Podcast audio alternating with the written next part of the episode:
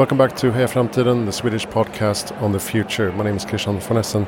I'm recording here today from uh, Stockholmsmässan uh, in Älvsjö, outside of Stockholm, Sweden. The fair is called Nordic Sustainability Expo, and I'm sitting here with uh, Alexander Engel. Welcome to the show. Hello. Uh, you represent a company called Ihopa. Tell us a bit about what it is that you do, actually. Yeah, we at Ihopa we try to avoid people buying products that they maybe use a few times, and how we do that is we put boxes in communities that have all of these products included and we want to have one of each of these boxes in each house so everyone who lives in that house has access to all of these products and doesn't ever need to buy them and uh, I saw that you uh, started uh, experimenting with tools. Yeah. Is that a, a, is that a good introduction to what can be shared in this uh, these boxes? I mean, we do a bit of uh, um, have a wide variety of, of products. We have gardening tools for our boxes that are in villa areas. We have power tools because they're very popular, but we also do kitchen machine, board games, and uh, kids' toys. So we have a quite wide variety. It really depends on which community you are, what the community wants, and that's uh, the good thing about our system. We don't charge for every use we charge for access, so we hope that in most uh, in most of our boxes it is already included in the rent. So we really see what people want to use and what they use, and then we can just replace products that are not used so much, and we can add products that uh, people want. So you are responsible for the products in the boxes, and not not the, the renters. No, so basically we are collaborating with big brands like Husqvarna, Kärcher, Gardena, and so on. They own the products. We put them in the box. We maintain the, uh, the, the products. We give all of the support. We have the booking system and all the app what people can use and we, what supports them through through the usage and everything like this. So we take care of everything, which is great for the consumers because nowadays when you want to use a circular service, you sometimes need to communicate a lot with the person who owns it, like on Hygglo or so on. You have to write 50 messages before you meet up, and that is preventing a lot of people from going into this. And we also so- solved the problem for housing developers, so like um, communities that want to offer this because often what happens there is they might try it out and then it dies down whenever the maintenance becomes too complicated. So we basically do everything. We put in the best products. We put in like all high quality products from our partners that is easier for us to maintain, but also a lot better experience for the users themselves. And uh, we also take care of all the maintenance, the customer support, and everything. So if I live in a community that is uh, using the box, I can download your app and uh, I can see what products are available exactly. and I can make a booking a reservation in the app. Uh, do I pay anything for that? No, as I mentioned before, we usually want to include everything already in the rent. It's like today you have a washing machine in your tvättstuga, right? So you book it, and uh, whenever you need it and uh, or you want it in our case as well.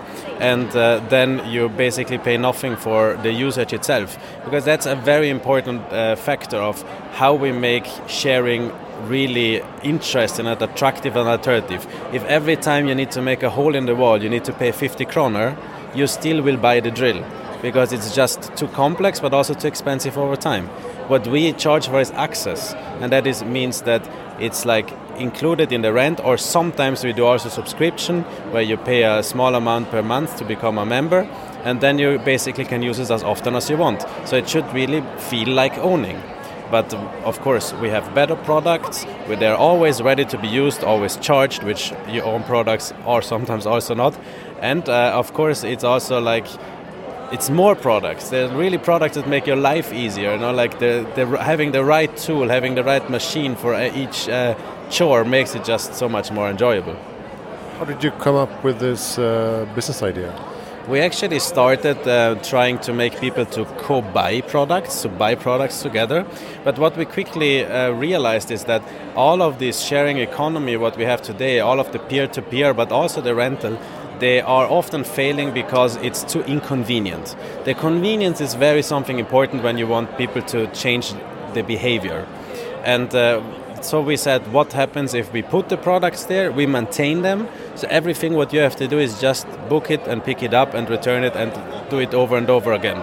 And as mentioned before, the pricing system, we also have a very clear reason why we don't do rental. and why we do this all-included uh, service, so to say. And this is all designed to really have a real good alternative, obviously, of course, of a sustainable alternative, but I don't believe that sustainability is enough to change behaviors. It also needs to be simply better, and that's why we do our system. You want to be free from the, the shackles of owning more stuff, right? Exactly. Uh, investing and uh, maintaining and charging, as you say. Uh, so, who are your uh, who are your preferred clients?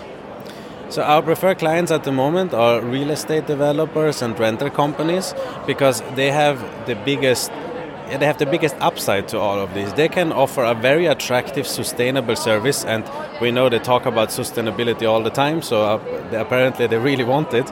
Um, but uh, on the other hand, it also it's very interesting for them because when you have all of these products available in your house, you need less storage space, which can be um, used as valuable living sp- uh, space. The upkeep of the of the property is a lot better because people really have the tools that they, that they need to do it, uh, and so on. So that is what we currently focus on. We also have some boxes in villa areas where we do it with like um, individual subscription. We also have that kind of a service uh, where we actually target everyone who really wants to change their behavior, but uh, until now couldn't find a good solution to do otherwise like this. So, uh, are there any limitations to what you can actually put in the box? Only, only size limitations, I suppose. There are size limitations, and there's also products that we decided to not do, which, for example, cars, mobility, and so on. There's just better player who can who can do this in a better way than us, and we also decided not to do um, anything that is you know we are still a purpose driven company so we don't want to put any like jet skis and, and stuff like this that are really just made to um, harm the, the, environment. We also don't put any low quality products in our boxes because it becomes more expensive for us to maintain them. It's a bad uh, experience for the customers and they break. And we only want products that actually have a, a high life cycle. That's a main reason why we work with uh, brands like Husqvarna, Kärcher, and so on, because we also want to motivate them to improve their products for circular uses. We want to motivate them to make their products maintained easier and so on. Very interesting. How, how can we uh, get in touch with you? Ihopa. Dot... It's ihopa.com and uh, basically all the information is there and uh, you can also see our products, our boxes that are already out. So, yeah. Are you uh, uh, primarily based in Sweden now, or are you looking at other markets as well? We are primarily at the moment uh, in Sweden, but now our sales uh, is open for whole Scandinavia and Germany, uh, where we sell to property developers and property owners. Very good. Thank you so much, Alexander Engel, for joining here from today. Thank you for having us. So it's ihopa.com, ihopa.com. Uh, check it out and see if you can. Um, see if you can find a more circular uh, solution for your uh, community. My name is Christian von Essen. We're recording from Nordic Sustainability Expo here at Stockholmsmässan in Älvsjö, Stockholm, Sweden. Thank you so much for listening.